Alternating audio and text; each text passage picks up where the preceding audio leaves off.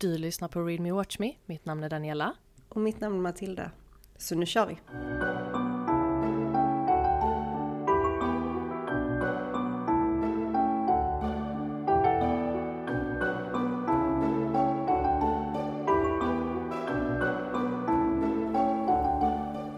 Tju! Tja! Välkomna! Hej och välkomna! Jag känner mig lite som Anis Don Demina där. Jag vet inte vad som hände. Jag är ingen Nej. Anis Don Demina alls, tyvärr. Nej, hur? Synd. Tyvärr. Synd, jag önskar. Men... Det här var en liten podd. En liten bokpodd. Ja, precis. Hur är det med dig? Det är bara bra, bra. tack. Hur är det själv? Det är bra. Jag är pigg. Ja. Jag är så jävla taggad för detta avsnittet. Alltså, jag vet att vi säkert säger det inför varje avsnitt, men det här... Mm, mm, mm. Jag, är- jag ser också fram emot att ta oss igenom detta eh, berg av eh, avsnitt. Nej, inte berg av avsnitt. Du fattar vad jag menar. Detta Ja. berg som vi ska liksom gå igenom i detta avsnitt. Det ska bli så roligt. Vi har ju inte...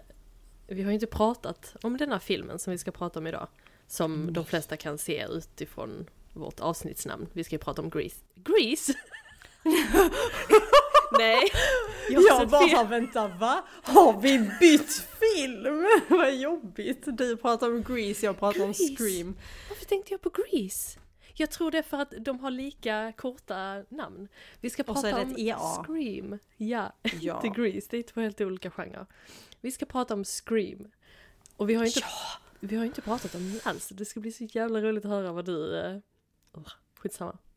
Ja, jag fattar vad du menar. Jag håller med. Det ska, alltså, jag vill höra dina kommentarer kring vad som försiggår i denna filmen. Så det ska bli jätteroligt. Jag tänker att det kommer bli ett Bout-avsnitt. Så att vi kanske bara ska så här djupdyka, köra på. Absolut, vi kör. Bada bing, bada boom. Eh, som, som du sa, Scream, inte Grease. Utan Scream har vi sett till idag. Vi har sett det på varsitt håll och eh, eh, tagit lite anteckningar. Detta, vi kanske ska säga att detta avsnittet kommer att bli ett avsnitt där vi går igenom hela denna filmen scen för scen. Mm. Det kan vara värt att nämna. Ja, och det är ju ett nytt format vi testar för denna säsongen. Yes. Eh, så att det kommer fler filmer där vi kör scen för scen på gamla klassiker. Exakt. Så eh, har du inte sett Scream, jag kan ju säga redan nu, ja vi kommer spoila precis allt. Så eh, vill du inte ha det så bör du nog bara hoppa över till ett annat avsnitt. Men vi kör igång. Scream. Och då menar jag Scream från 1996. Den är ju då från 15 år. Den är ganska lång, ganska mycket längre än vad jag trodde att den var, vad jag mindes att den var. Den är en timme 51 minuter. Vilket är rätt så långt för en skräckfilm, tycker jag. Och den är ju då klassad som en skräck och en mystery. Den har fått hela 7,4 av 10 på IMDB och detta är av 338 000 röster. Ganska bra betyg för att vara en skräckfilm. Vi har rätt så många kända namn. Vi börjar med Drew Barrymore som spelar Casey. Sen har vi Nev Campbell som spelar Sydney. Courtney Cox som spelar Gail Weathers, alltså reportern. Dave, eh, Dave, just det, jag gav honom ett smeknamn. David Arquette som spelar Deputy Dewey, alltså polisen Dewey. Skeet Ulrich som spelar Billy. Eller heter, det, heter han Ulrich? Eh, Osäker. Jag vet inte, jag tror jag läser det Ul- Ulrich. Ja, Eller? Ulrich, eller Ulrich, han spelar Billy i alla fall och han heter Skeet i förnamn. Sen har vi Rose McOwen som spelar Tatum. Matthew Lillard som Stu, eller Stewart. Och Jamie Kennedy som spelar Randy. Sen har vi den legendariska telefonrösten som är av Roger Jackson. Underbart. Jag inser ju nu när jag kollar på rollbesättningen, Jamie Kennedy. Hade inte han något, något program på MTV? Jag vill säga att det är något prankprogram. Men jag vet att det hette typ så Jamie Kennedy show. Jag fattade inte det när jag såg filmen, att det var han. det kanske är därifrån jag känner igen honom. För att man känner igen honom. Men jag kunde absolut inte placera varifrån och jag kollade inte heller upp det. Nej. Men så är det ju lite med de flesta, tycker jag, i denna rollbesättningen. Att man känner igen dem från andra ställen. Sen är det inte nödvändigtvis så att man vet varifrån. Förutom Courtney Cox och från Vänner då då. Precis. Och Drew Barrymore, obviously, från allt. Hon är, hon är bara med i allt. Hon är bara med i allt. Filmen förresten, vi såg den på HBO Max. Den finns säkert att se på flera ställen, men vi såg den på HBO Max. Vad säger du? Ska vi ehm, kick it off? Ja. Så det första vi ser är Drew Barrymore som spelar Casey. Vi eh, får en liten känsla av att Casey kanske är hemma själv. Så telefonen ringer. Och Casey. Hello? Hello? Hello? Yes? Who is this? Mm, who are you trying to reach? What number is this? What number are you trying to reach? I don't know. Well, I think you have the wrong number. Do I? It happens. Take it easy. De lägger på och när Casey börjar gå ifrån telefonen så ringer den igen.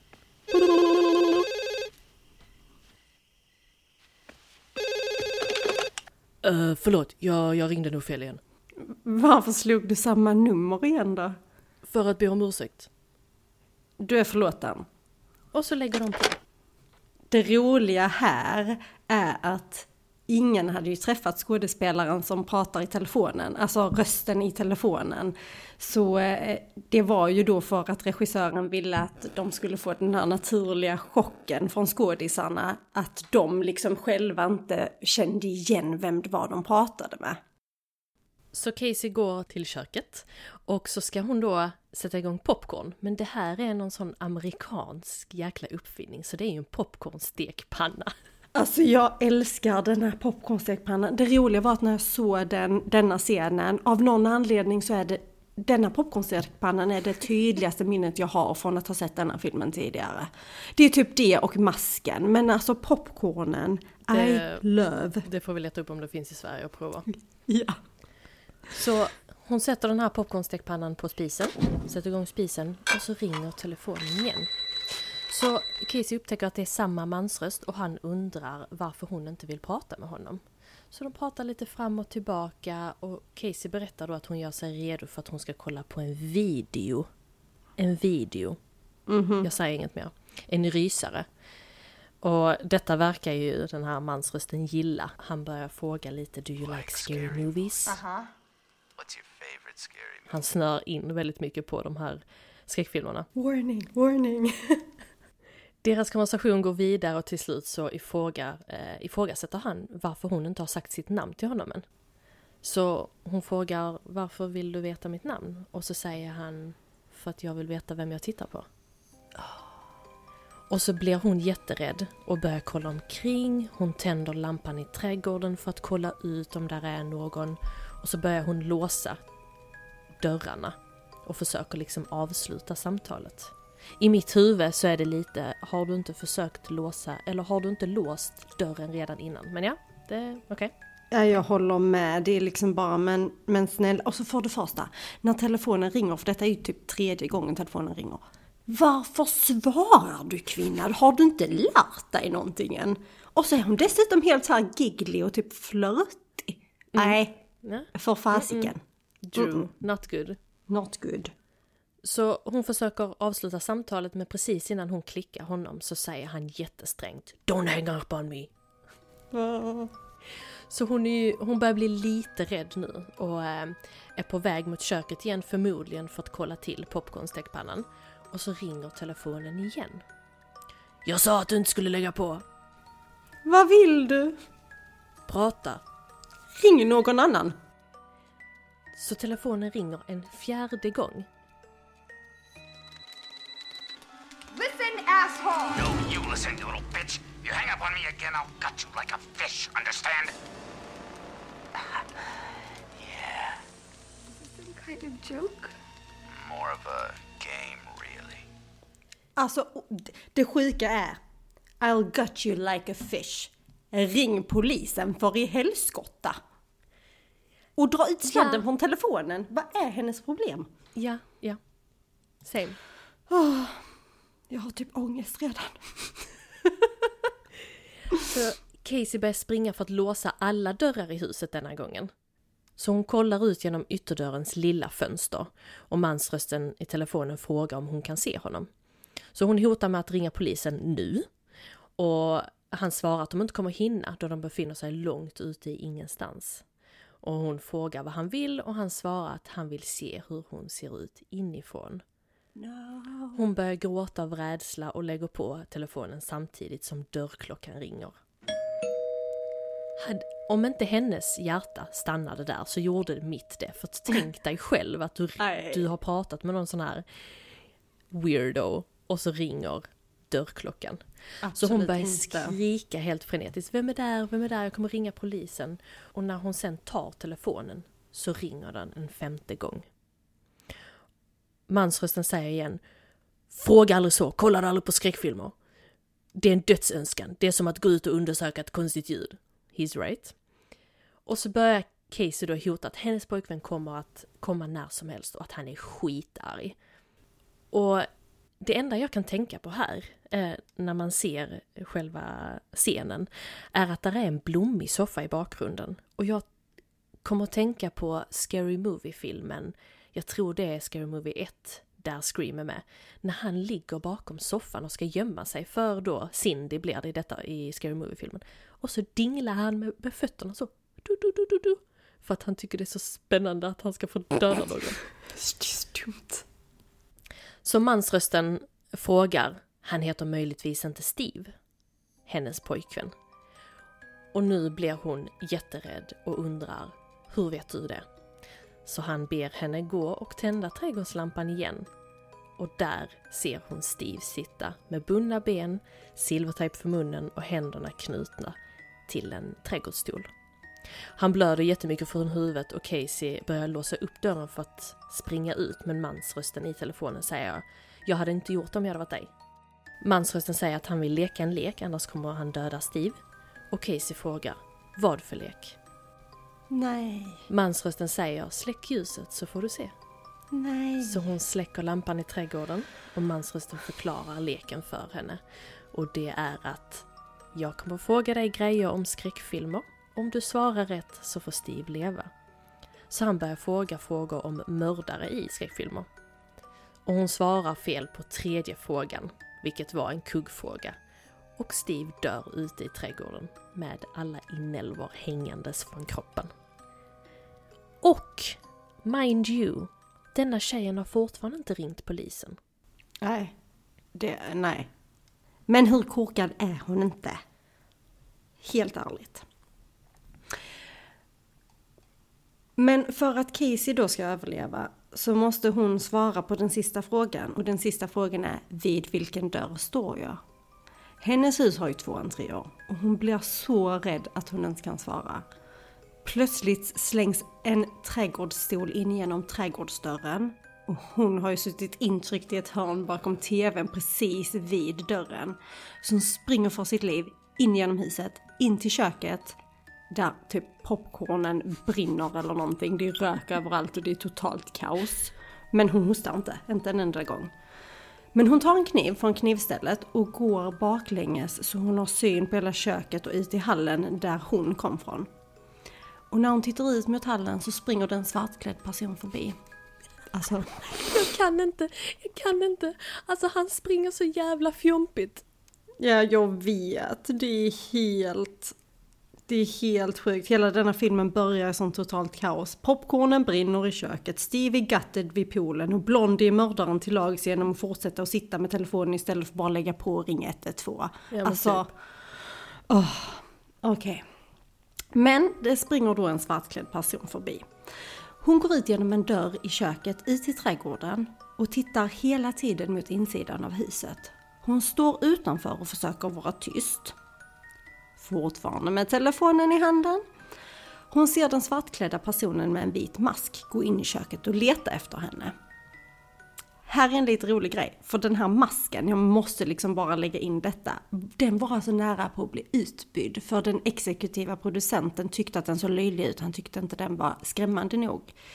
Men de lyckades övertala honom att liksom, låt oss göra den här första introscenen och sen får du se vad du tycker. Och tack och lov behöll de masken för tänk vad annorlunda vår uppväxt hade varit om Scream-masken inte hade varit Scream-masken.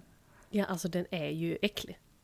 Den är ju, den passar också jättebra till just denna genren som är liksom komisk men skräck. Alltså det är ju ingen komedi men den har ju ändå komedi också på något vänster.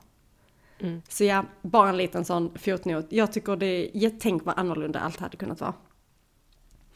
Men plötsligt när hon står här ute då med telefonen i handen så kommer det en bil körandes på en väg mellan fälten. Först när jag såg detta så fattade jag, jag bara vadå varför är en bil ute och kör i fälten tänkte jag. Sen nanosekunden senare var aha, där är en väg. Men strunt samma. Jaha, Det, jag hängde liksom inte riktigt med på vad som hände först där. körde mellan majsen. Ja men typ, jag bara va? Ja, i alla fall. Hon tittar in mot köket och ser då den här svartklädda personen smyga omkring. Återigen, popcornen brinner på spisen. Nu brinner de. Alltså nu, nu ser man lågor. Yes. Och hon sätter sig försiktigt på huk och ser att den här bilen kör in mot hennes hus. Hon ställer sig försiktigt upp mot en utav fönstren på hennes hus och där står den svartklädda personen och vänder sig snabbt om och då får man för första gången se den kända Scream-masken. Som då nästan blev utbytt. Han boxar sönder fönstret och tar tag i hennes hand som hon håller kniven i. Han skallar resten av glaset som är kvar. Alltså, yes, true story. Han gör det. Han skallar resten av glaset som är kvar. Och hon tar sin andra hand och boxar till honom i huvudet med telefonen så han trillar bakåt. Alltså, förlåt men den styrkan går inte att få. Alltså han är jättekänslig för våld i så fall. För det där... Ja, Men, men- okej. Och, Mm. och han är supersnabb, men vi kommer till det. eh, nu ska vi se. Boxa till honom i huvudet, telefonen med telefonen så att han trillar bakåt. Casey ser sin chans att springa därifrån, så hon springer förbi Steve och mot bilen som har kört in på hennes område. Men precis när hon ska springa mot bilen så slänger sig eh, Scream killen då ut genom ännu ett fönster och springer efter henne. Vad är det med hans grej att gå genom fönster? Nej men alltså han bara gitar sig ut från fönstret bara. Men han däckar nästan av ett slag från henne. Alltså va? Alltså det är, så jä- det är det jag menar, det är sån jävla kontrast i det här våldet att henne, hon håller i en sån här gammal telefon och slår honom för då får du ingen kraft för att det gör ju ont på dig själv. Men han kan bara köra hela sin kropp genom fönstret och börja hoppa på henne. Ja och detta är andra fönstret han dessutom kör igenom så jag fattar inte. Men, men. Masken kanske skyddar, vad vet vi? Han lyckas i alla fall få tag i henne och sätter kniven i henne. Alltså han sticker henne med kniven. Han bara, rup, som ett litet knivställ. Han lyckas få tag i henne och sticker henne med kniven tills det att hon trillar då och börjar blöda väldigt mycket. Personerna i bilen som nu har parkerat går ut och man börjar förstå lite här att det nog är Caseys föräldrar. För de går mot huset. Men hon har då endast kraft till att resa sig. Hon skriker inte eller någonting. Hon försöker skrika efter dem men hon får inte ett ljud ur sig. Och Scream får tag i henne bakifrån och höjer sin kniv mot henne och hugger. Föräldrarna är nu i panik inomhus när de ser kaoset där inne och mamman ska ringa polisen. Men när hon liksom klickar igång telefonen, för alla som inte vet hur gamla telefoner funkar så är det liksom en linje. Så när hon klickar igång telefonen så hör ju hon hur att den linjen är upptagen liksom. Så när, då hör hon ju hur någon låter i luren. Och till slut så förstår de att det är Casey som låter och sen dör linjen. Så pappan ber mamman att åka till Mackenzies, vilket man underförstått måste vara en granne liksom. Och när mamman går ut från ytterdörren så ser hon sin dotter hänga i träd med sina inälvor hängandes från magen.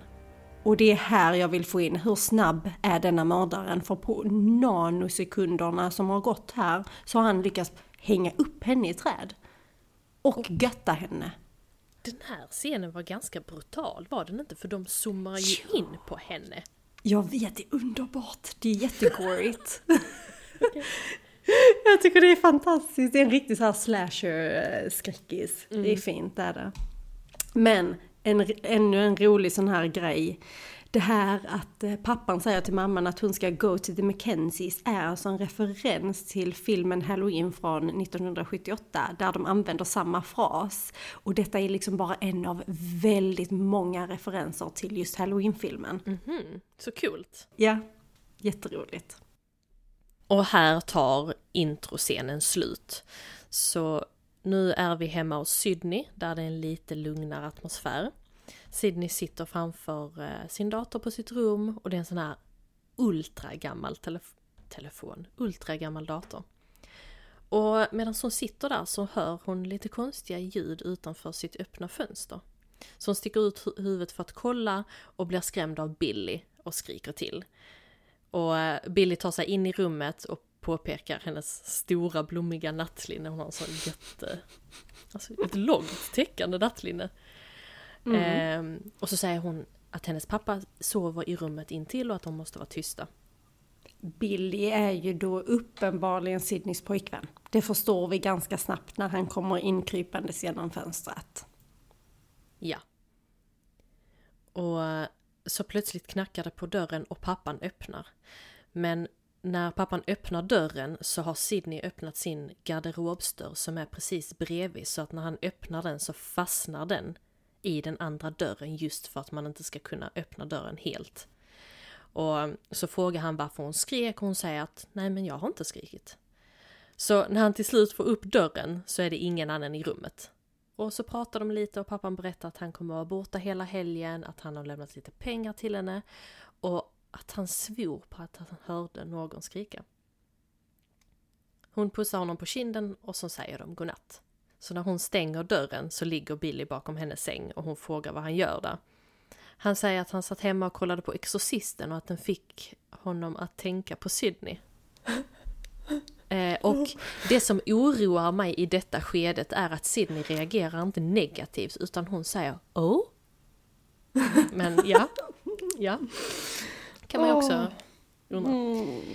Han säger att det var tv-versionen så allt quote smaskigt var borta och det fick mig att tänka på oss. End quote. Alltså, Alltså han är så mycket red flags, han denna är snubben. så, så vidrig människa.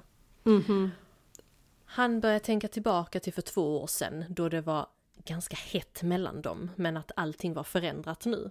Och att han inte vill bryta mot hennes underklädesregel men han undrar om de kan göra saker med kläderna på. Så hon säger ja. Och de börjar kyssas på sängen men men Sydney säger snabbt att det räcker och att Billy ska gå. Och hon säger även att hon uppskattar den romantiska gest- gesten. Och då, då undrar jag lite, menar hon att han har tagit sig upp genom Ja. hennes fönster?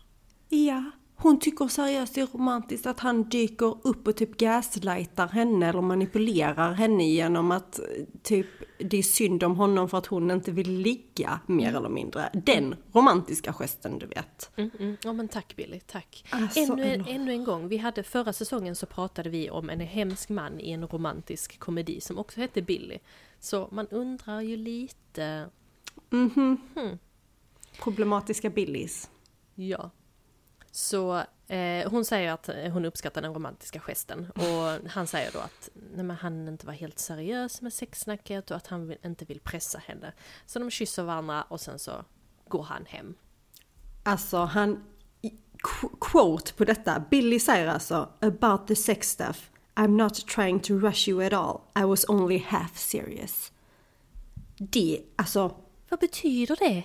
hur problematiskt är inte detta? Och hon bara, Säger någon så så spring i andra riktningen och samtidigt som du springer så skriker du jag gör slut. putta ut honom från fönstret. Japp. Vad vi antar är dagen efter i skolan. Eh, Sydney har hoppat av skolbussen och så ser hon jättemycket reportrar, poliser och skolelever. Och alla de har samlats utanför skolgården. Hon hör att en av reportrarna Gail Weathers som spelas av Courtney Cox. Yay! Hon berättar att två stycken tonåringar har hittats brutalt mördade dagen innan. Så Sydneys kompis Tatum häl- hälsar på Sydney och berättar att Casey och Steve är de som är mördade. A.k.a. Drew Barrymore och hennes football playing boyfriend. Tatum verkar ha all information på hur de mördades och hur de hittades av mamman och pappan. Och hon säger även att polisen förhör hela skolan och att Dewey, som är Tatums bror, eh, som jobbar inom polisen. Dewey säger att det är det värsta fallet de har haft sen. Och sen avbryter hon. Hon fortsätter inte sin mening. Vilket insuerar på att någonting värre har hänt tidigare. Och skolklockan ringer och sen går de till sina, till sina klassrum. Alltså hur sjukt är det inte att skolan fortsätter som vanligt dagen efter att två av dess elever har blivit knivmördade? Nej men jag vet inte. Skojar de? Och så brutalt med. Ja men det är ju inte så att liksom, ah, det har varit en olycka och, och vi ska prata om det och vi förstår om ni är ledsna. Nej nej. Två elever har blivit knivmördade men låt oss ha lektion. Det var det ljuva 90-talet. Man hade ingen krishantering. Man fick Nej. bara leva med sina trauman. Eller hur? Nu går vi vidare liksom. Men också fatta att Dewey, alltså den här polismannen, Deputy Dewey, egentligen skulle hans roll från första början vara en så här hunkig huvudrollskaraktär. Jag vet! Hur visste inte jag. Kan du ens tänka dig denna snubben som en hunkig liksom main character? Nej. vi behöver den här lite tafatta nya polisen. Mhm, eller hur? Han gör ju så mycket för filmen. Mm.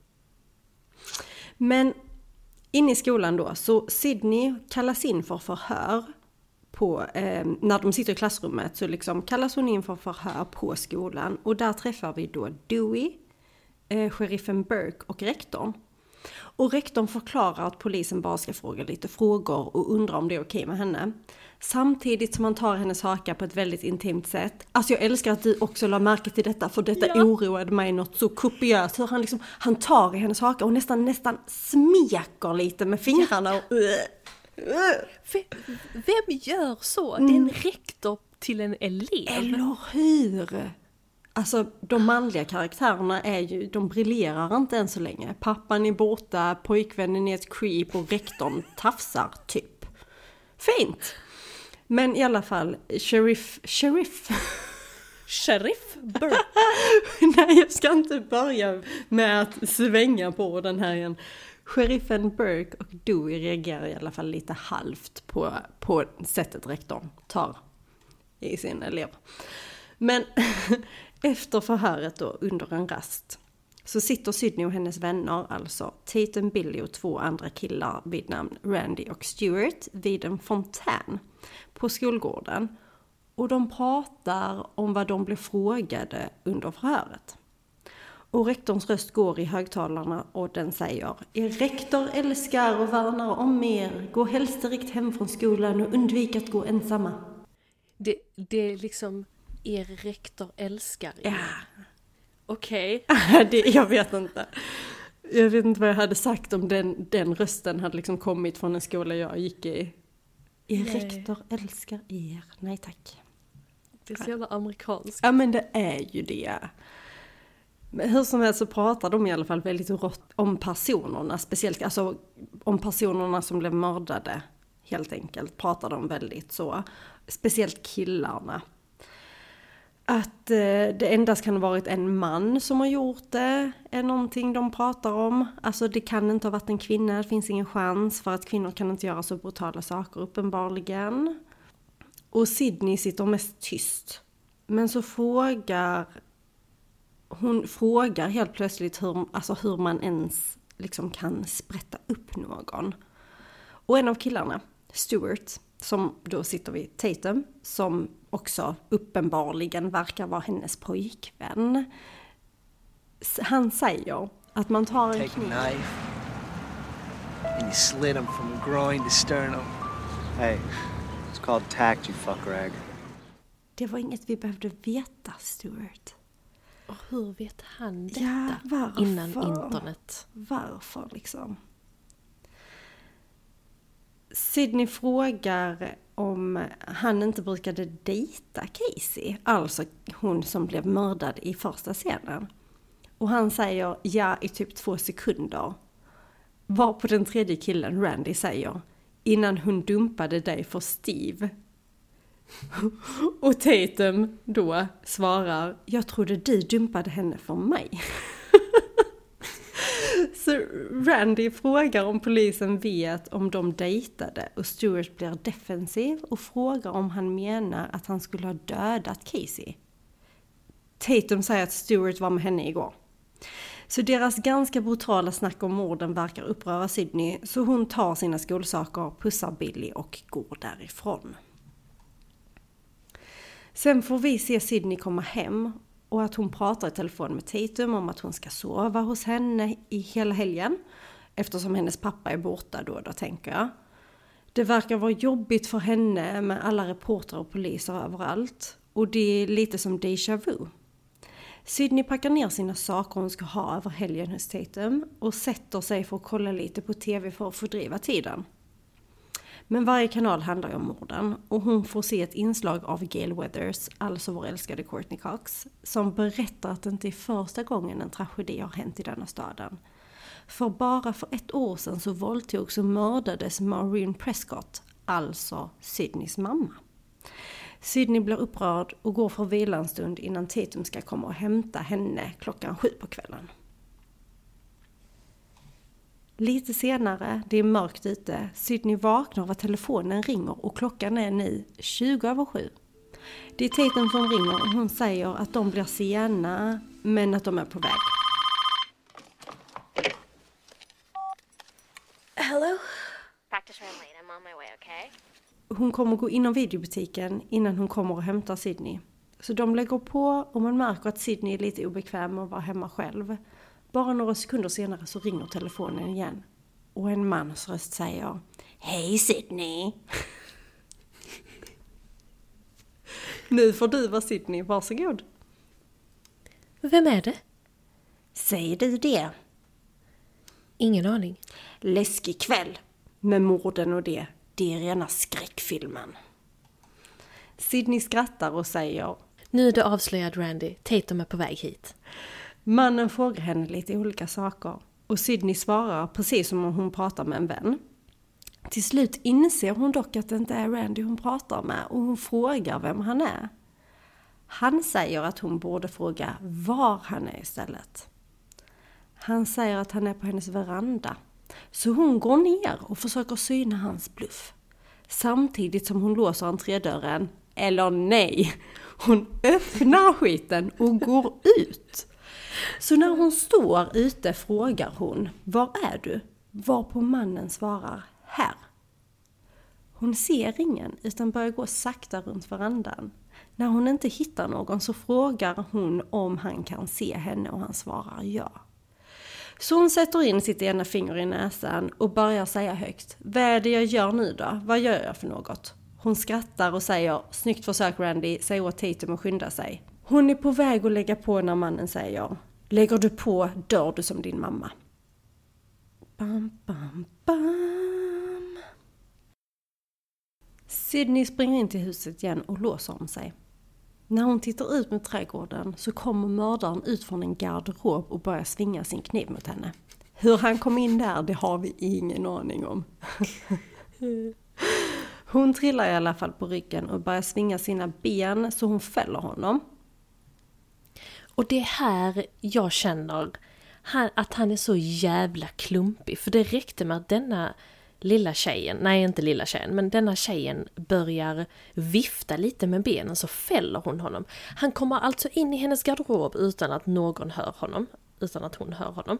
Han lyckas sprätta upp två människor, men han kan inte klara sig undan från två svingande ben, så han trillar. Och framförallt, han lyckas seriöst döda, gatta och hänga upp en död kvinna i ett träd på loppet av kanske inte ens en minut. Men han kan inte hålla sig stående när någon ens försöker attackera honom, när han har Nej. tydligt the upper hand. Men men. Han lyckas i alla fall sätta sig på henne på något sätt och ska precis hugga henne med kniven när hon plötsligt sparkar honom så han trillar baklänges. Och det är ju faktiskt ganska dåligt klippt för man kan se scenen där hon sparkar honom så sitter han bredvid henne med ena knät på golvet. Men ja, ja. Ja precis, så först så sitter han på henne, sen när de klipper till nästa vinkel så sitter han bredvid henne och hon kan putta väck honom. Ja. Hmm. Sydney lyckas springa upp till sitt rum och försöker ringa polisen. Good girl! Hon försöker faktiskt ringa polisen, men telefonlinjen är död. Hon lyckas få igång en chatt med eh, 911 via datorn när hon ska svara. Och när hon ska svara på vad det är som händer så är mördaren borta. Och vem dyker upp i fönstret om inte Billy? Billy! och han säger att han hörde skrik och att dörren var låst. För, ja, jag vet inte om det är konstigt i USA. I, här i Sverige känns det som att alla låser väl sina dörrar hoppas jag. Mm. Men okej. Okay. Men då säger hon att mördaren är i huset och att han kommer att döda dem.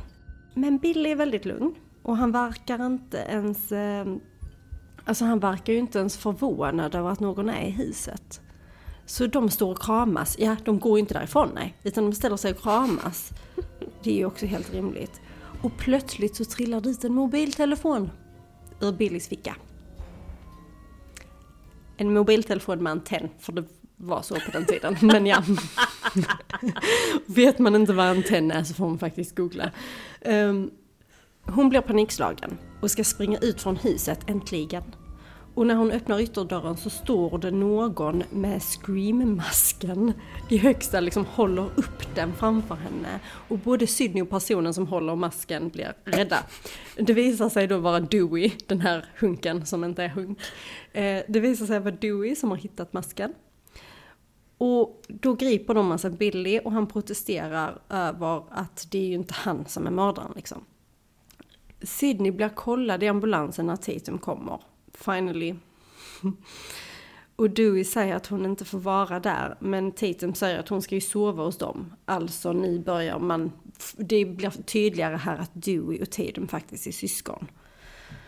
Så Dewey och Sydney gör sig redo för att åka från sjukhuset när Gail Weathers alltså reportern, dyker upp i rätt tid.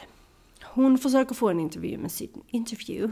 Hon försöker få en intervju med Sydney, men pratar snabbt med Tatum. Gail säger att hon har hört att någon har nämnt en mask. Och Gail är arg och skäller ut stackars Kenny som hennes kameraman. Alltså Kenny. Alltså Kenny.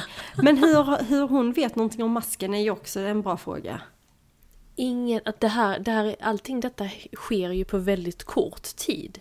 Ja, ja. Så hur vet hon? Det är ju liksom direkt från huset, alltså, och sen så att de åker till sjukhuset och sen är de väl där för den här check-upen en liten stund. Men jag menar, vad har Gail mm. Weathers mm. för inside information egentligen? Är hon kanske Ghostface?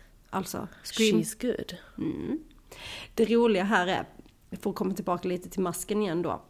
Jag läste någonstans att masken i sig ska vara så här en mishmash som är baserad på tavlan Scream av Edvard Munch. Omslaget av skivan The, The Wall av Pink Floyd och eh, spökkaraktären från den tecknade serien Betty Boop. Aha, att det är liksom det, att de har tagit... Av de tre grejerna? Ja, att de har tagit inspiration från de olika och fått till den här masken. Men om jag också har förstått det rätt så är inte masken gjord för denna filmen utan denna masken hittades i ett hus när de letade efter en location till en film. Jag kan inte svara på om det är till denna film eller, eller en annan. Men eh, Gud vad coolt, undrar vem som är skaparen egentligen? Ja, jag läste... För det har väl varit lite frågor om det också? Ja, och jag läste någonstans det sista jag läste och jag kan liksom inte heller riktigt tyda vad som är vad i detta men att det finns ett ställe, jag tror, tror att det heter typ så Fun Factory och att det är de som äger rättigheterna till masken. Men om de gjorde det innan eller om detta är ett, alltså som har hänt efter filmerna, det jag, vet jag faktiskt inte. Mm. Så vem vet var masken kommer ifrån? Så på polisstationen så för, försöker Dewey få tag i Sydneys pappa men han får inte fram att han är registrerad på det hotellet som han har sagt att han ska vara på över helgen. Hur konstigt är det inte att hennes pappa lämnar henne ensam en hel helg? När dessutom två ungdomar precis har blivit mördade. Ja fast det visste han ju inte om. Jag tror det, eh, det var ju samma kväll som det skedde tror jag. För dagen efter går ju Sydney till skolan och då får hon reda på allt detta. Så jag tror det är samma kväll. Men ja, pappan borde ha, borde ha återvänt hem så fort som möjligt. Jag tänker överlag, du lämnar inte din, alltså för hon är, vad är hon, typ 17? Är hon inte det, ungefär? Han lämnar henne själv en hel helg bara ett år efter att hennes mamma har, det är dessutom henne, den här typ anniversaryn tror jag, för att det var ett år sedan från att hennes mamma blev våldtagen och mördad. Ett år! Där är ingen som ska liksom vakta henne, ingenting. Ja, sen så kanske hon har sagt att "Nej, men jag ska sova hos Tatum. Ja, så kan det ju vara. Jag tyckte bara det var konstigt. Det var märkligt. I sheriffens rum så, för, så förhör eh, sheriff Burke Billy. Och han frågar varför han har en mobiltelefon och Billy säger att alla har en. Och att han inte ringde till Sydney. Sheriffen säger att han kommer att hålla honom kvar tills de har fått hans telefonlistor så de kan se om det faktiskt stämmer. Och Billy tycker att det är galet och vänder sig om och borrar in sina ögon i Sydney som då sitter vid ett skrivbord utanför och gråter. Och det är också så, varför, varför glor du på henne om du inte har gjort någonting? Ja men han är så intensiv och creepy, det är inte okej. Det är också lite roligt för här på polisstationen, så när Dewey kommer in så bär han en, jag det måste vara denna scenen, han bär en låda när han kommer in på polisstationen i alla fall. Och om man tittar riktigt noga så ska man tydligen kunna se att det står Father Death på den här lådan. Och det roliga är att den kostymen som mördaren bär, alltså dräkten, den är, heter egentligen, alltså originalnamnet på den är Father Death. Så att det är liksom namnet på själva kostymen som mördaren bär. Så Tyckte jag var lite skoj. Ja, jag inte. faktiskt. Nej, det visste man inte. Och utanför stationen så kryllar det av poliser som då försöker hålla alla reportrar borta. Eh, och en av dem är Gail och kameramannen Kenny. Så de går mot byggnaden och Kenny säger utan att man får det översatt eller förklarat Bitch you got this. Hörde du det? Nej, det minns jag faktiskt inte. Det var så jävla roligt. Han är en riktig hype man den där Kenny. Alltså där är så många roliga såna här små exchanges dem emellan. Jag har en annan som jag faktiskt skrev upp för jag tyckte det var jätteroligt. Det är, jag tror det är när Courtney Cox, eh, ja alltså hon säger, de, de typ går nästan in i varandra så säger hon Jesus, camera. Och kameramannen han bara My name is not Jesus. Det är också just så här, det, ja. man bara what the frick. Så Ja, fint. Kenny spelar in när Gail presenterar sig och går mot byggnaden där hon då givetvis blir stoppad av eh, poliserna. Så Billy är häktad och så dyker Tatum upp för att stötta Sydney. Dewey har hittat att masken säljs i butiker och säger att det kommer att bli omöjligt att spåra var just den här masken är köpt och vem som har köpt den. Tatum blir irriterad över att de inte har åkt hem än så hon och Dewey börjar småbråka och så lämnar de då stationen bakvägen. Alltså när de ska gå. Detta är kanske en av mina favoritgrejer i hela denna filmen. Så när de ska gå ut genom Derry så, så säger ju eh, Tatum säger ju liksom någonting till Dewey. Fast hon säger, hon säger det till sin bror, hon säger inte det liksom till polisen Dewey eller vad man ska säga. Och då säger Dewey helt anklagande till henne, He's my superior. Och Tatum svarar, The janitor is your superior. Och sen så går de. Nej! Jag tycker Hon det är så så, roligt. Ja, det, men det är så roligt tyckte jag. Alltså, The janitor is your superior. Det är så typiskt tonårigt Ja. också. Jag älskar det. För att han säger ju aldrig tillbaka till henne utan han tar ju sin, sitt jobb jätteseriöst. Han är ju polis. Ah, Men han är också världens Mias. Det är ju också det som gör det så roligt. Han är verkligen en sån doormat. Alltså sorry puppe. Dewey, men det är du. Men han gör det ju skitbra. Vår sluga reporter Gail står då utanför stationen och kommer på att det finns ju en bakväg så hon och Kenny går dit och där möter de givetvis Tatum och Sydney och Dewey har gått för att hämta en polisbil. Och Gail går fram med kameramannen Gail går fram med kameramannen och börjar ställa frågor. Tatum försöker ställa sig mellan henne och Sydney men Sydney går ändå med på att bli intervjuad men man ser att hon inte kommer att svara på någonting. Istället så frågar hon Gail hur det går med hennes bok. Och Gail svarar att den kommer ut senare i år och att hon kommer skicka en kopia till Sydney. Då är Sydney redan på väg mot polisbilen men vänder sig om och ger Gail en sån jäkla höger rakt in i tinningen. Så här får man ju reda på att Gail kommer skriva en bok om Sydneys, eh, mordet på Sydneys mamma. Och hon ser, alltså Gail ser så nöjd ut när Sydney nämner det här med hur går det med din bok? Hon bara helt Senare i liksom. år. Ja, verkligen. En bitch. Hemma hos Tatum så ligger de i varsin säng och går igenom hela den här händelsen. God, I loved it. I'll send you a copy. Bam! Bitch went down. I'll send you a copy. Bam! Sid! Super bitch. You are so cool. Dewey kommer in och ger Sidney en påse med is till hennes knogar och de pratar lite om Sidney tror att det var Billy som gjorde det. Plötsligt kommer Tidens mamma in och säger att Sidney har telefon.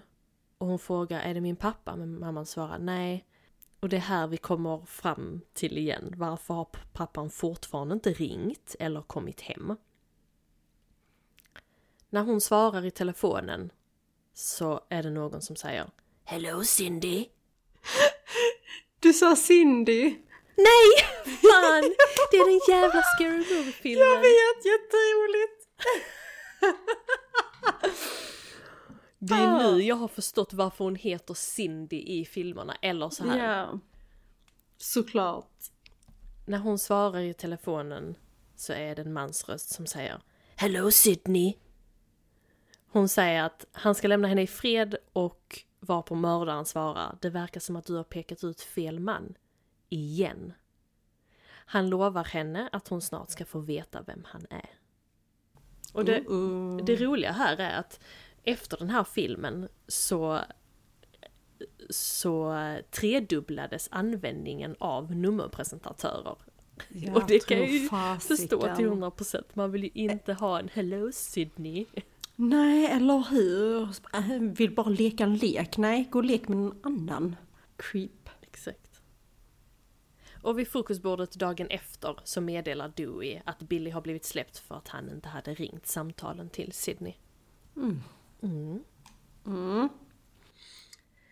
Så eh, Dewey då, han släpper av tjejerna vid skolan. Och han säger att, eh, han säger till Sydney att hon hon kommer vara säker där.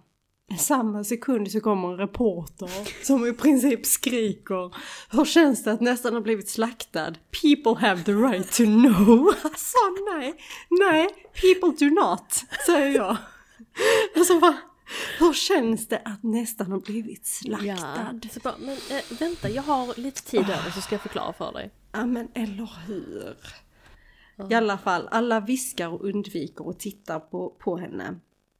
När Sydney ser Gail och så ber hon Tatum att vänta. Hur Gail sitter i sin van och försöker täcka över sitt blåmärke med smink. Sydney ifrågasätter hennes anledning till att skriva en bok om hennes mamma.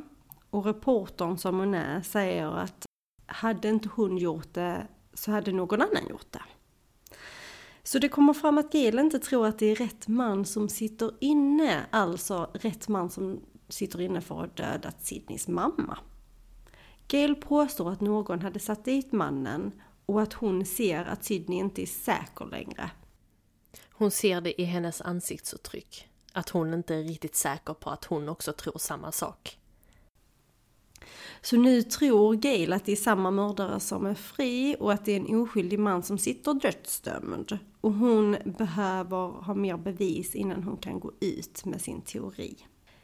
Men inne i skolan så springer Sydney på Billy och hon berättar att mördaren ringde henne igår och att han säger att han satt inne vid den tiden. Alltså Billy säger att han satt inne vid den tiden så det var ju inte han liksom som ringde.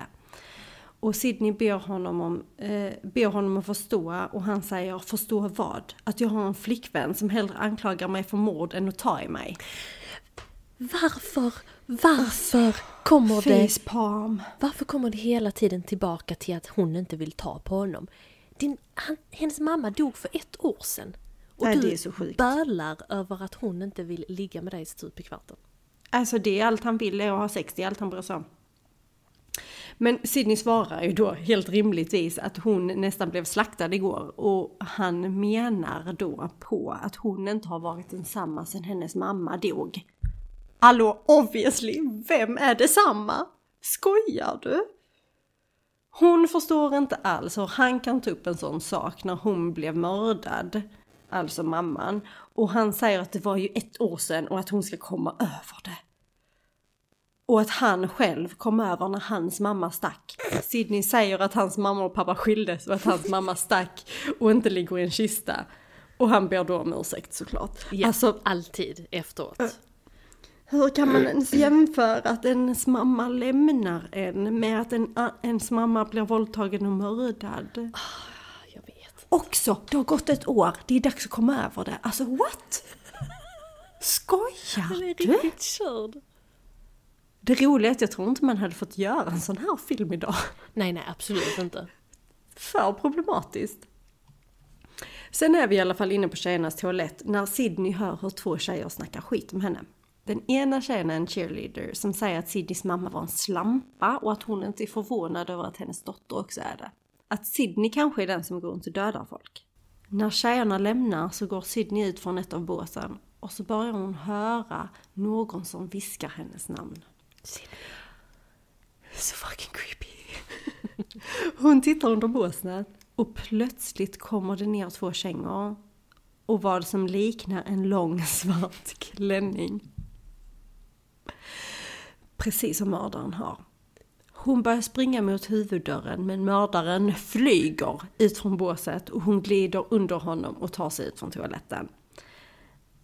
Alltså den här svarta klänningen, ska vi prata om den? Vi, vi, jag tror att vi ska ägna en hel, ehm, Vi kommer till det sen. ett helt avsnitt till detta. Nej, nej, nej. Jag tycker vi pratar om det nu. Det är väldigt problematiskt med den här Scream-klänningen, Scream-dräkten, Father of Death. Alltså den är så sparkly. Glittrig. Den är så glittrig. Varför har vi inte sett detta innan? Den är så alltså, glittrig. Och det är inte bara så att det är ett visst ljus eller att det är något Nej. skimmer eller någon har spillt lite glitter. Nej och Nej. nej. Den är sparkly EF. Den är jätteglittrig, så snälla. Ska ni se den här filmen, notera hur glittrig den är. Alltså jag blev... Jag tyckte det var så roligt. Twinkle twinkle little star. Den är så glittrig. Och hur ska man då kunna ta honom seriös? Ja, det är helt fantastiskt. Jag älskar också att de ifrågasatte masken men inte den glittriga klänningen. Eller dräkten. Father Death. Father Sparkle snarare. Ja, det är Edward Cullens dräkt. Alltså den glittrar mer än Kallen gör i solljus. Ja, det är det. Utan Den är tvekan. jätteglittrig. Den är jätteglittrig. Men utanför skolan så försöker Gail få ut information från Dewey. Så hon börjar flirta med honom. Hon ger honom en komplimang eh, om att han ser ut som en tolvåring. Alltså va? Återigen problematiska karaktärer. Medan rektorn då gör ett uttalande i högtalarna om att på grund av eh, det som har hänt så är all undervisning inställd och att polisen har inne- infört utegångsförbud från klockan nio samma kväll. Menar han då det som hände inne på toaletten nu? Det måste det ju vara. För varför skulle de annars kalla dit... Alltså varför skulle folk annars ha kommit till skolan från första början om det var Ja. det som hände kvällen innan? Det måste ju vara att Sydney har sprungit ut och därav liksom meddelat någon att eh, Glittermannen finns inne på toa. Precis. Så, så tolkar jag det, utan tvekan. Mm. Alla elever är då på väg hem och Sydney går lugnt ut från skolan med sina kompisar. Ja precis, här kommer vi till det att hon måste ha sagt eh, till någon eftersom undervisningen blir inställd. Men allt är fortfarande lugnt. Alltså det är inte någon utrymning, det är inte massa polispådrag och sånt utan Nej. allting är chill, alla ska bara gå hem. Det, och den här Glittermannen är fortfarande inne på skolan. I alla fall så vitt vi vet, visserligen så är han ju väldigt snabb så han Ja. kan vara var som helst. Men Tatum och Sydney möter Stuart utanför skolan och han säger, säger till dem att han ska ha en liten fest samma kväll. Och Sydney vill egentligen inte men hon gör det för Tatums skull. Snällt. Fastän hon nästan blivit mördad nu två dagar i rad. Mm. Inne på skolan så är rektorn kvar. Vi vet inte varför. Men det är han. Och han leker med en screammask, för det känns ju också rimligt att man gör det i detta läget. Och samtidigt som han leker med den screammasken så knackar det på hans kontorsdörr. Han går för att öppna men där är ingen utanför. Och det knackar igen. Så då går han snabbt dit för att öppna men det är fortfarande ingen där. Han tar ett varv ute eh, bland skrivborden och ut i en korridor där vaktmästaren skurar golv. Vem vet varför han gör det just nu? Varför ska inte han utrymma? Är vaktmästare typ så här sådana som aldrig dör? Är det därför? Han bara, det är chill, jag kan fortsätta städa. Ja, kanske. De Det är kanske bara- är undantaget. Liksom. Det är bara när de ska iväg och hämta någonting i sin städskrubb som de dör. tänker jag. Då, ja, så kan det faktiskt vara.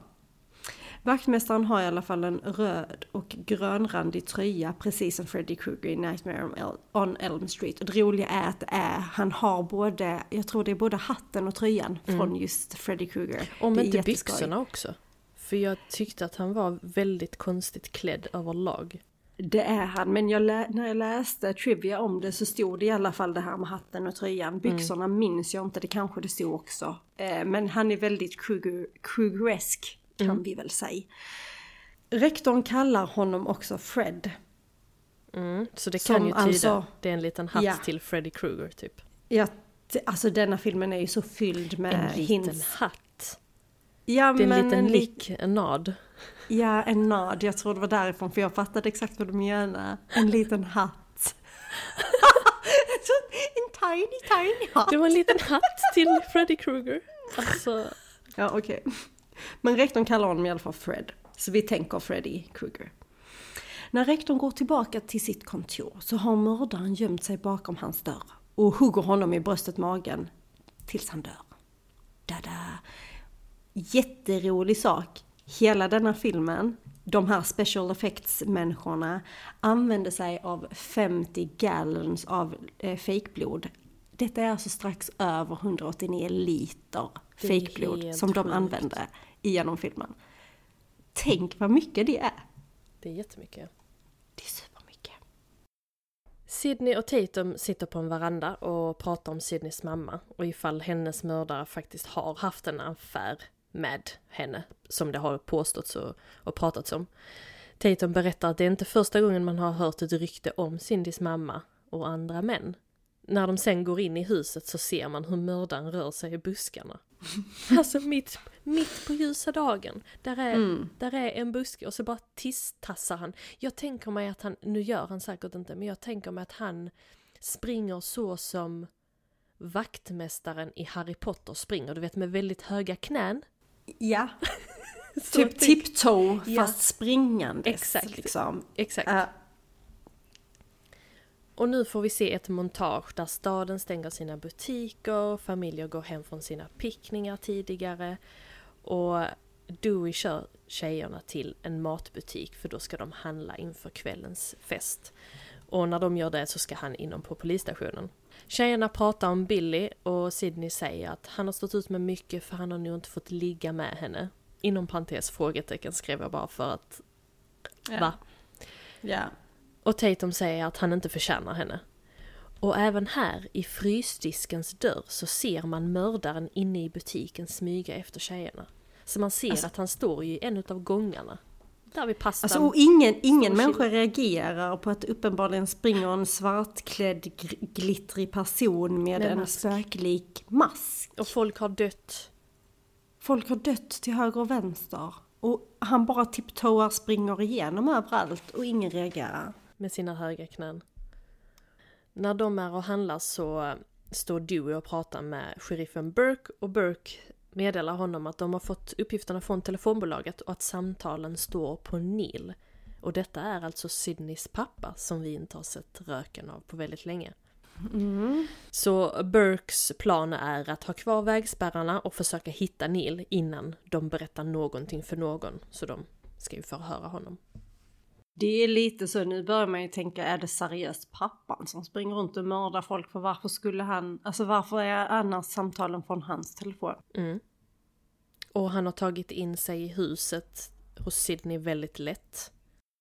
Fast varför vill han döda sin dotter? Jag vet inte. Nej, ingen vet. Dewey kör sedan tjejerna till festen och där folk dricker, dansar och umgås liksom i hela huset. Gail och hennes kameraman står med sin van en bit från huset för att vara beredda ifall något händer. För det här är ju ultimata mördarscenen. Det här, massa tonåringar, ett hus, de dricker. Eh, ja. Och där möter de Dewey som också säger att han ska ha koll på huset, att han ska gå in. Och Gail frågar om hon får följa med, och det får hon. Vad han inte vet är att hon tar med sig en liten kamera. Så när hon väl är inne i huset så hälsar, hälsar de på allihopa och medan Dewey pratar med Sidney så lägger då Gail den här lilla kameran på en hylla som blickar över hela vardagsrummet. Det är lite roligt för denna scenen, alltså hela denna scenen som kommer vara egentligen slutscenen i denna filmen. Det är ju då när festen börjar och det är i detta huset. Hela festscenen i filmen är totalt 42 minuter lång. Den spelas alltså in under loppet av 21 dagar, eller rättare sagt 21 nätter. Från det att solen går ner till att solen går upp i 21 dagar i sträck. Så spelar de in detta. Och när filmen väl är liksom färdig så eh, liksom the crew då tryckt upp sådana tröjor där det stod I survived scene 118 som är då namnet på denna scenen.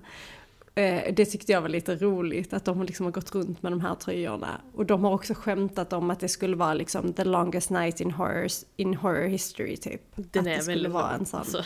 Den är jätte... Men tänk också att ha spelat in detta under 21 nätter i sträck. Oh my god. Den här jävla festen. Japp. Så på festen så ber Stuart Tatum att hämta mer öl till honom. Så hon går ut till garaget, till extrakylen de har där. Så när hon liksom öppnar dörren så, och ska tända så råkar hon då trycka på både lampknappen och knappen som öppnar garageporten. Hon hinner då klicka på den igen så att den stängs och där får man se att där är en kattlucka på själva garageporten. Så hon går till kylen för att ta ut ölen och då stängs dörren in till huset väldigt sakta. Och plötsligt så trillar väldigt mycket trädgårdssaker ner på golvet. Så krafsa, spade, ja, vad man nu än har till sin trädgård. Och Tatum blir, blir rädd men hon ser att det är en katt som springer ut genom kattluckan. Och eh, så blir hon ju lite lugnare. Så hon tar med sig ölen och när hon ska öppna dörren in till huset så upptäcker hon att den är låst. Så hon knackar och skriker efter människorna på festen men det är ingen som hör henne. Så hon tänker att jag går genom garageporten. Och när hon ska gå under den så ändrar den håll och börjar stängas. Så hon får ju panik och så vänder sig om. Och så ser hon att det är mördaren som står där. Och stänger garageporten. När hon vänder sig om så står mördaren där och stänger porten med hjälp av sin knapp. Av sin knapp? Vadå sin knapp? Han har en personlig knapp. Ja, knappen på dörren. Och hon tror ju att det är Randy ännu en gång som skojar så hon börjar prata med honom och spela att hon är ett offer och åh hjälp mig och ska du, är du här för att mörda mig? Så tar han tag i henne och skär henne i armen. Så hon blir livrädd och börjar springa ifrån honom. Så hon slänger alla ölflaskorna på honom och när han då ska attackera henne så trillar han och hon kan ju då springa ifrån honom. Så hon ser sin chans genom den här kattluckan. Så hon springer dit och försöker ta sig igenom så hon drar liksom ena armen ut men på något sätt så fastnar hon. Och då ser ju mördaren sin chans så han trycker ju på garageportsknappen. Och så börjar garageporten åka uppåt. Så att hon, hon klyvs inte men hon mosas så pass mycket att hon dör. Och sen så går han lugnt in till huset, till festen. Alltså också att den där dörren magiskt är öppen när han ska gå igenom den in till huset. Den var ju låst innan när hon skulle gå igenom den. Och nu är den öppen. Då måste han ha varit i garaget. Ja men han måste ju ha Fast- nyckel till denna dörren. Ja. Ja, för han kan Det ju är ju det ha enda öppnat- sättet. Han kan ju inte ha låst utifrån för att sen... Nej jag fattar inte heller. Men i alla fall det har. Vet du vad som är lite roligt som jag läste? Att varje gång, de, eller när de skulle spela in den här scenen med den här kattluckan då, då eller hundluckan, vad man nu, alltså den luckan hon kryper igenom. Så eh, Rose McGowan som då spelar Tatum, hon eh, trillade igenom, alltså hon, var så, hon är så pass liten så att hon kunde ju ta sig igenom den här luckan i verkligheten. Så hon trillade igenom den flera gånger. Nej. Så de fick typ så här spika fast någon del av hennes kläder eller vad det är så att hon liksom inte skulle trilla igenom luckan i Ja, scenen. ja, för att man ser ju ganska tydligt att du hade tagit dig igenom där. Ja, absolut. Också att det är typ världens starkaste garagebrott som seriöst krossar hennes skalle bara för att hon är det. Alltså, jag tänker, finns det ingen sensor? Fanns det inga sensorer av, Nej. på någonting på 90-talet? Nej, allting var väldigt manuellt. Allting var väldigt bara, stick inte in fingret där för då dör du. Och här i denna scenen så ser man också hur markant glittrig den här jävla dräkten är. På här är det så screen. tydligt. Ja, Det här, jag kan ju säga att det var här jag la märke till det, för här zoomar de typ in på glittret Ja. nästan. Men tror du att de kanske ville ge honom en liten spice för att från början så skulle de egentligen ha en vit dräkt för att det skulle se mer ut som ett spöke. Men produktionen var ju rädda att dräkten då skulle bli ganska lik KKKs utstyrelse och därför ändra den till svart. Men där kan jag tycka att men bara låt den vara svart, vi behöver inte spicea till den. Jag tänker också det, varför måste den vara glittrig? Men det som du säger, den, den enda rimliga tanken är att de ville ha, ge honom lite pizzazz. Så Ja, de bara, let's do sparkle. Ah. Ja, fint är det. Så när festen är slut, spoiler alert, det är den inte, så letar Sydney efter Tatum som inte har synts till på ett tag. Och Billy dyker upp på festen och han vill prata med Sydney.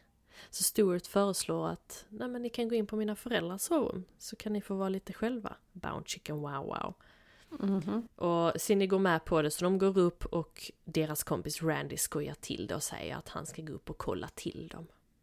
Kenny, Gales kameraman, sitter samtidigt som detta händer nere i sin van och kollar genom videokameran som Gale placerade i vardagsrummet i huset.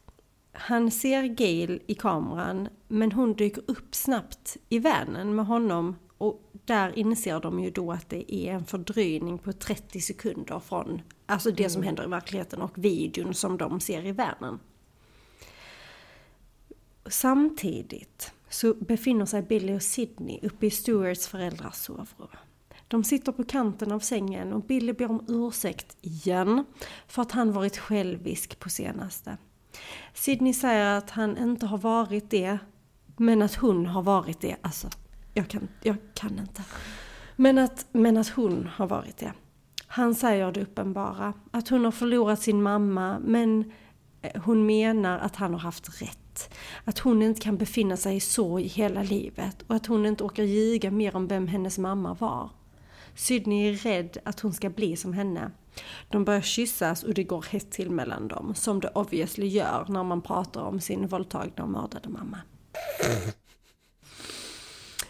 Nice. Väldigt fancy, det är så romantiskt.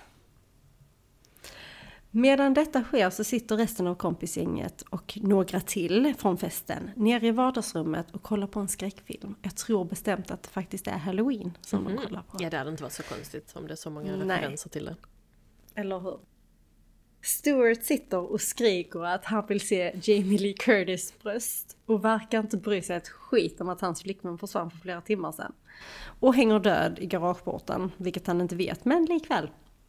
Randy, filmfantasten, som också är min favoritkaraktär för han är så klockren. Han blir frustrerad över att de andra inte verkar förstå att det finns vissa regler som måste följas för att man ska kunna överleva en skräckfilm.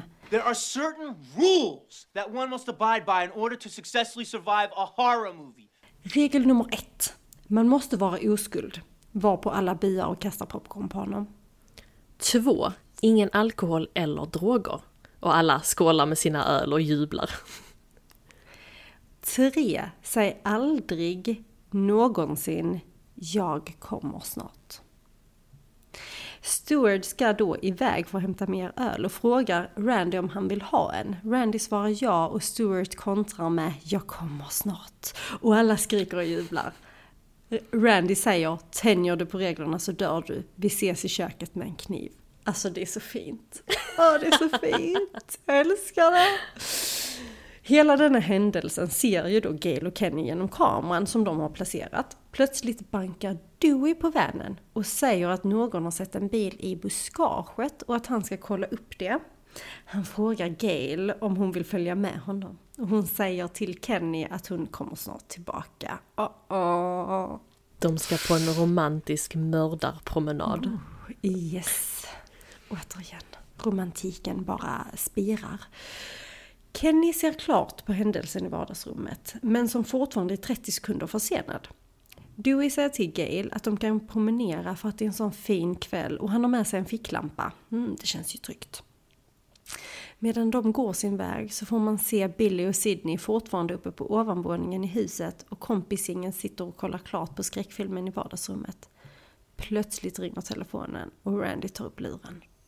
Personen i andra änden meddelar att rektorn har blivit dödad. Han har hittats hängandes i fotbollsmålet. Gänget tycker det är skitkul och drar direkt för att kolla på honom medan han fortfarande hänger där. Kenny hör hur alla sticker därifrån. Varför blir Randy meddelad detta och varför är han med i så konstiga sammanhang? Som när Tatum ska hämta Sydney. Då är hon tydligen med Randy. Någon ringer för att berätta, okej okay, nu hade det kunnat vara någon klasskompis eller skolkompis som ringde till Randy bara för att skvallra. Men han får hela tiden så små information. Fast jag tror det är så att när Tatum är med Randy då när Tatum ska komma och hämta Sydney så är hon med honom för att hon skulle inom videobutiken han jobbar ju där. Ah. Det är därför okay, okay. jag. Det måste vara så. Mm, jag förstår. Jo, Kenny, kameramannen då, han hör ju hur alla sticker ifrån det här huset. Medan Dewey och Gail promenerar fortfarande och de pratar om deras namn, alltså hur Dewey egentligen heter Dwight och att Gail ses som en stans antikrist. jag älskar det. Killarna som är på väg att se rektorn kör förbi i hög fart så Dewey och Gail får liksom hoppa in i buskarna bredvid vägen. Så de typ rullar in i buskarna mer eller mindre på varandra och när de ligger där så ser Gail en bil i buskaget. Den de letade efter. Det visar sig vara Nils, alltså Sydneys pappas bil. Sen är vi då tillbaka i huset på andra våningen där Sydney och Billy är eh, klara och i sovrummet så frågar då Sydney vem Billy ringde när han häktades. Han fick ett samtal att ringa och han säger att det var till hans pappa. Sydney säger dock att hon såg sheriff Burke ringa till hans pappa. På det så kontrar han att när han försökte ringa pappan så svarade han inte. Han undrar om Sydney fortfarande tror att det var han som gjorde det. Hon säger nej, men Billy undrar vad han måste göra för att övertyga henne om att han inte är mördare. Detta är så också helt sjukt. Denna diskussionen kommer efter de har legat. Det, det, det är liksom så här. Yeah. Hon tror typ fortfarande att han gjorde det och han tycker fortfarande det är skevt. Och de har precis legat. Alltså va? Ett jätteskevt förhållande. Jätteskevt. Men Billy undrar som sagt vad han måste göra för att övertyga henne om att han inte är mördaren. Han står med ryggen mot dörren och plötsligt ser Sydney hur mördaren kommer in och börjar hugga Billy. Och då, det är ju så att Billy vänder ju sig om så att han står ju då när han blir huggen så blir han huggen liksom på framsidan av kroppen. Så han lyckades ju vända liksom ryggen mot Sidney precis innan han blir mördad. Eller alltså stabbed i alla fall. Mördaren torkar av bladet på kniven och går mot Sydney. Detta tyckte jag var jätteroligt. För när man ser Sydney efter att Billy, återigen, står med ryggen mot henne, blir huggen på framsidan av kroppen Sen ser man Sydney och då har hon blodstänk i sitt huvud. Fråga Va? mig inte hur det hände, men tydligen fastän hon står på andra sidan sängen från där Billy blir stabbed på framsidan, så får hon blodstänk. Och även om, hon, även om han har blivit huggen så pass långt att det går ut på andra sidan så skvätts inte blodet på det sättet. Nej, framförallt så är det också så att på ryggen på Billy ser inte, alltså kameran är så att man ser Billys rygg och så ser man ju då mördaren framför honom som stäbar honom. Där är inget blod på Billys rygg. Så okay. någonstans, jag vet inte. Jag vet inte hur fysiken funkar i Screamland. Nej, men nej. Mm, mm. tydligen så får Sidney blod i huvudet i alla fall. Eller i ansiktet. Okay. Mördaren torkar av bladet på kniven och går mot Sidney. De jagar varandra runt huset igen. Och Sidney lyckas drämma en dörr mot honom så han trillar bakåt. Hur många gånger har han trillat? Helt ärligt. Ännu en gång, hon är den enda som överbemannar honom på något sätt. Men det kan ju ha varit för att hon har varit oskuld fram till nu. Just det ja, nu är det kört, nu är hon inte oskuld längre. Exakt. Hon lyckas i alla fall låsa in sig själv i ett rum eh, längst upp i huset. Alltså så hon kan klättra ut genom ett fönster där och ta sig ut på taket. Men när hon håller i sig från fönsterkarmen så kommer mördaren in och tar tag i hennes händer. Hon lyckas ta sig loss och trillar baklänges ner på en båt på marken. Och denna båten har en presenning så gör att hon landar mjukare tydligen, för hon skadas inte direkt av detta fall. Men det var ju bra för henne. När hon ser att mördaren är borta, när hon tittar upp igen. Samtidigt så ser hon Tatum i kattluckan. Tatum. Som nu är typ rödlätt i håret istället för blond. Mm. Men jag tänker 189 liter blod. Du vet. Men jag tänker också, var inte så rimlig. Nej, Vi, vi vill att, hon, att det ska ha ändrats så mycket. Av en konstig let's do anledning. it liksom. Ja, varför inte? Men alltså visste du detta då? Att Rose McGowan, alltså Tatum, skådisen som spelar Tatum, hon blonderade sitt hår. Det är liksom inte en peruk eller någonting sånt, utan hon blonderade sitt hår till inspelningen för denna filmen. Bara för att det skulle vara större kontrast mellan huvudkaraktären och henne. För Nev Campbell, hon är ju mörkhårig. Liksom. Inne i huset så ligger Randy på soffan och kollar på skräckfilmen. Nu är han helt själv för alla har ju stuckit för att kolla på rektorn som hänger i fotbollsmålet. Randy my man. Och bakom honom så får man se att mördaren kommer från köket. Så när han höjer armarna och ska hugga Randy så hör han hur Sydney skriker efter hjälp utomhus. Sydney har sett vanen som kameramannen Kenny sitter i och hoppar in hos honom. Och där på skärmen ser man hur mördaren närmar sig Randy i vardagsrummet. Och de ser att mördaren sticker därifrån utan att han har skadat Randy. Och Kenny säger att de har en fördröjning. När Kenny hoppar ut från bilen så kommer mördaren och dödar även honom. Så Sidney ska stänga dörren och hinner då bli stucken av kniven. Hon tar sig ut från en annan del av bilen och börjar springa för sitt liv. Dewey och Gail är tillbaka från sin mördarpromenad. Och han ber henne gå till vanen för att låsa in sig för då ser ju han att dörren är öppen, någonting har skett. Och ber Gail att ringa på förstärkning. Han springer in i huset och skriker efter Neil, men det visar sig vara helt tomt. När Gail kommer till bilen så ser hon att det är stora blodpölar runt om och på trappstegen på bilen. Men Kennys kropp är helt borta. När hon sen ringer till larmcentralen så kommer plötsligt Randy och skriker “What's up?” Hon slår till honom då med telefonen och ska köra därifrån. Men på bilens framruta så är den fylld med blod, alltså det bara rinner ner. Och när hon då 189 liter. Exakt. Så när hon då gasar och av någon anledning bromsar till så glider då Kennys kropp ner mot framrutan.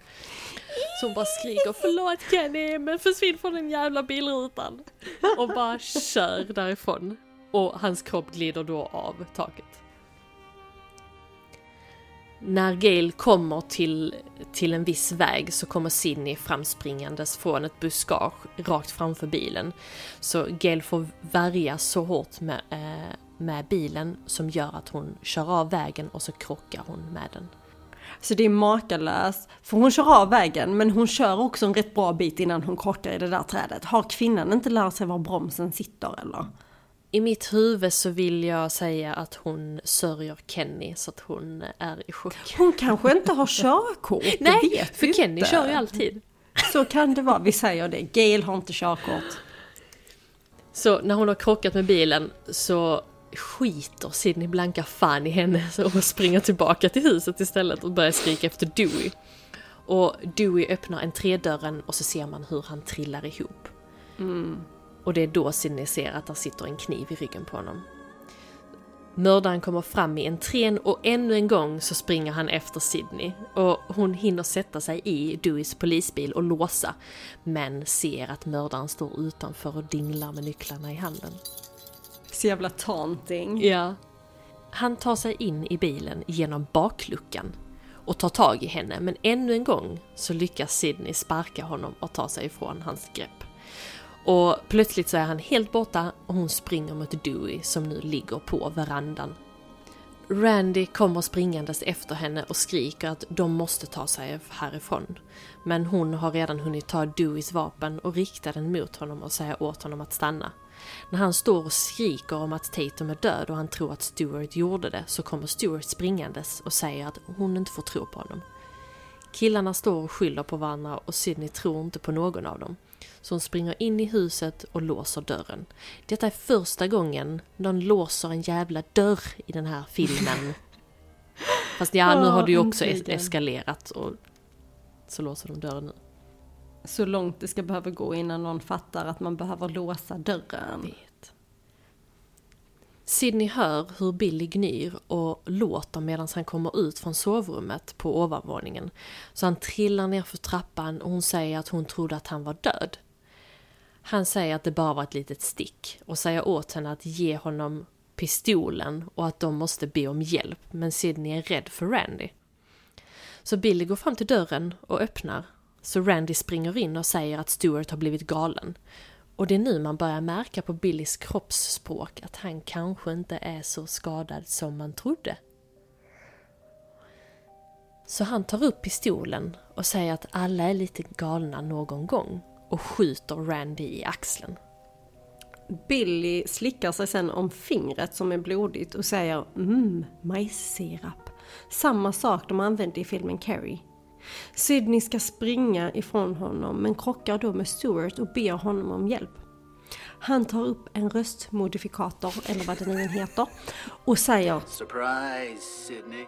det är samma röst som hon har pratat med i telefon tidigare. Med andra ord så fattar man ju nu att både Stuart och Billy har planerat detta. Det kommer även fram att de har satt dit personen som sitter inne för mordet på hennes mamma. Sidney frågar varför och Billy erkänner att Sidneys mamma har legat med Billys pappa och att det var därför som Billys mamma då lämnade dem. Stuart säger att de har en överraskning till henne och Billy säger att klockan är över 12 vilket innebär att det är exakt ett år sedan de mördade hennes mamma. Stuart kommer tillbaka med hennes pappa som är bunden runt benen och armarna och har silvertejp över munnen. De berättar att de klonade hans mobiltelefon så det ser ut som att alla samtal ringdes från hans mobil då. då. Och att de ska få det att se ut som han dödade dem allihopa. Som att han fick en knäpp på ettårsdagen av hans frus död. Och eh, dödade allihopa förutom just Billy och Stuart. Och för att detta ska vara trovärdigt så har ju då killarna, de här briljanta jäkla snillena planerat att de ska hugga varandra. För att det ska se ut som att de kämpade mot mördaren. Så de står liksom och typ uh, uh, och Billy hugger Stuart och Stuart hugger Billy. Och när de ska avsluta iscensättningen så ska Stuart hämta pistolen. Men då är pistolen mysteriskt borta helt plötsligt. Den är inte kvar på samma ställe där de lämnade den. Vilket då såklart är en liten bit ifrån där de är. Obviously. Så Billy går till Stuart och frågar var fan den är. Och helt plötsligt så står Gail med den i handen och riktar den mot killarna och säger Right here, asshole. Billy lyckas manövrera henne och tar pistolen ifrån henne. Hon har trillat ihop medvetslös på Dewey som ligger på verandan. Och medan de förbereder sig på att skjuta Gail så inser Stuart att Sydney och Neil är borta.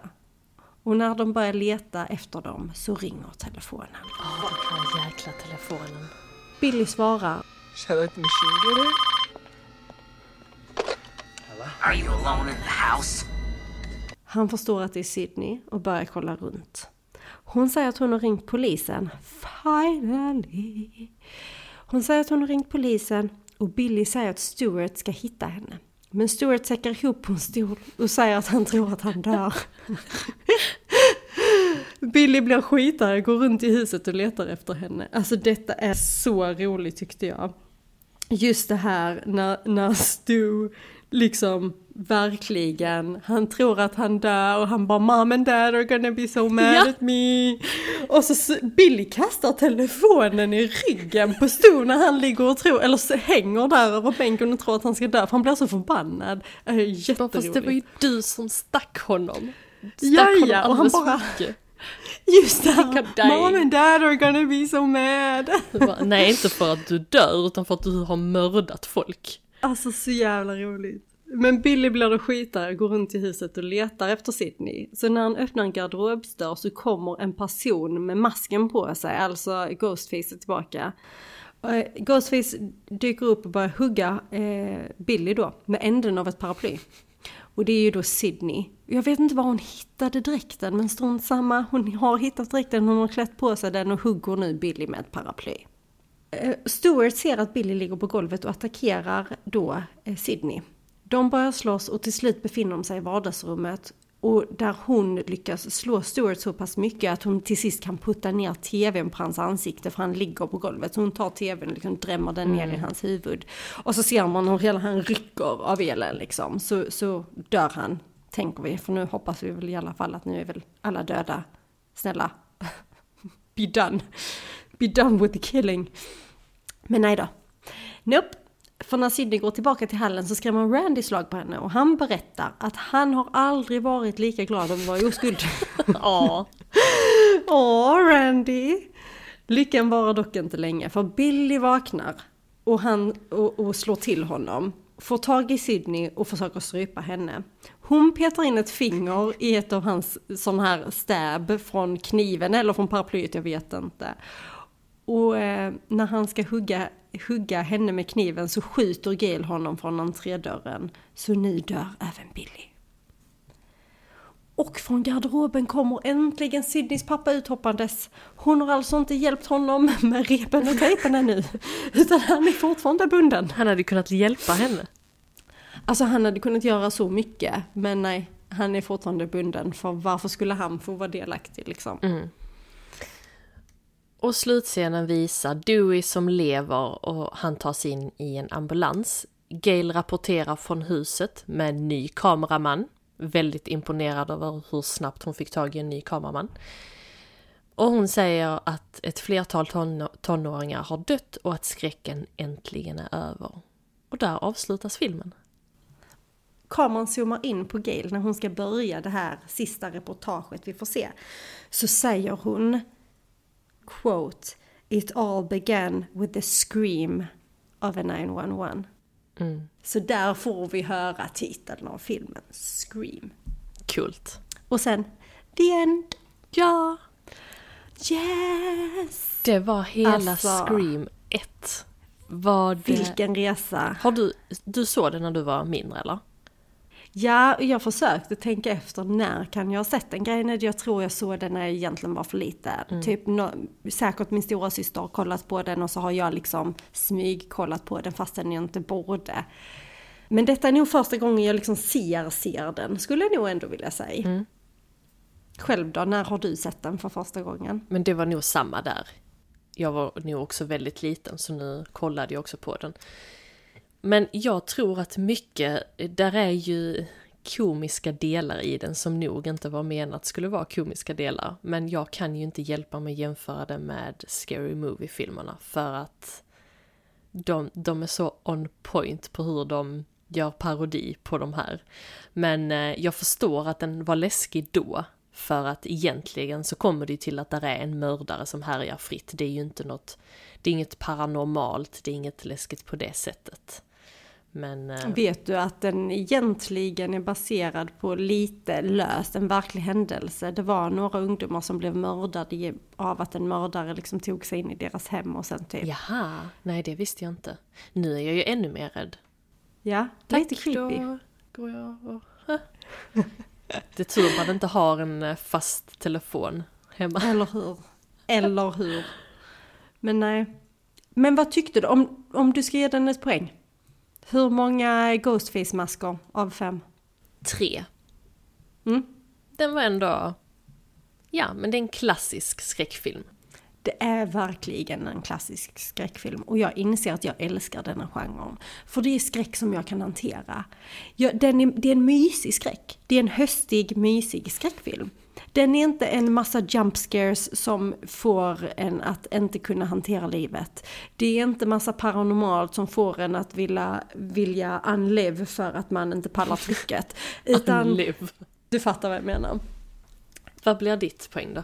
Alltså grejen är det, jag vill nog... Vad, vad gav jag vår förra? Jag gav ju den för högt betyg. Ja, Men det behöver vi inte du- prata om. Det, jag vet inte vad som hände, jag kände mig givmild. Jag var för övertaggad på säsongsstarten. Jag skulle nog vilja säga att Scream... Ja, men jag vill nog ge denna en fyra och jag vet att det var samma som jag gav den förra. Och jag håller inte med om att de är lika bra för denna är så mycket bättre. Denna är så mycket mer Ja. up my alley. Ehm, för de gör något briljant. Jag älskar ju det här meta. Att de pratar om skräckfilmer och så är det en skräckfilm. Alltså du vet hela Jag det. Jag med. tycker det är så klockrent. De knyter ihop de världarna, det tycker jag också är ganska kul. Ja. Och Randy, alltså vilken, vilken king han är. Vilken karaktär va? Ja, så bra. Jag tänkte att vi faktiskt skulle passa på att säga, vilket inte ens var planerat, men det har ju kommit en ny Scream detta året, 2022, som också är med Nev Campbell och Courtney Cox. Undrar vad den kommer handla om. Är, om jag förstod rätt så är det någon form av uppföljare jag vet inte om det räknas som den femte. Det är otydligt för jag har inte sett den. Men den finns i alla fall att hyra på Viaplay och Youtube till exempel. Så är man Den borde vi se. Ja, jag tänker att det hade varit lite roligt att se vad, vad, kan, vad kan det innebära liksom. Så där tänker jag att vi liksom avslutar den här scene by scene resan. För jädrans. Det blir ett maffigt avsnitt idag, men eh, vi hoppas på att ni är lika taggade på att höra om en klassisk skräckfilm som vi är. Eh, ni får gärna önska om ni vill höra någon annan film. Vi har några inplanerade nu som vi tror kommer att bli jättebra. Men det hade varit kul att höra om ni gillar denna sortens avsnitt. Jag hoppas att ni har tyckt det varit roligt att lyssna på, för vi har haft superskoj, både när vi tittade på filmen och allt förarbete vi har gjort. Så eh, Ja. Så följ oss på Instagram, vi heter Read Me Watch Me. Och skriv gärna, gärna en recension eller ge oss ett omdöme på Spotify om ni har tid. hade vi blivit väldigt glada över. absolut. Men eh, tills dess så får ni ha det bra. Yes, see you next time. Hejdå! Hejdå!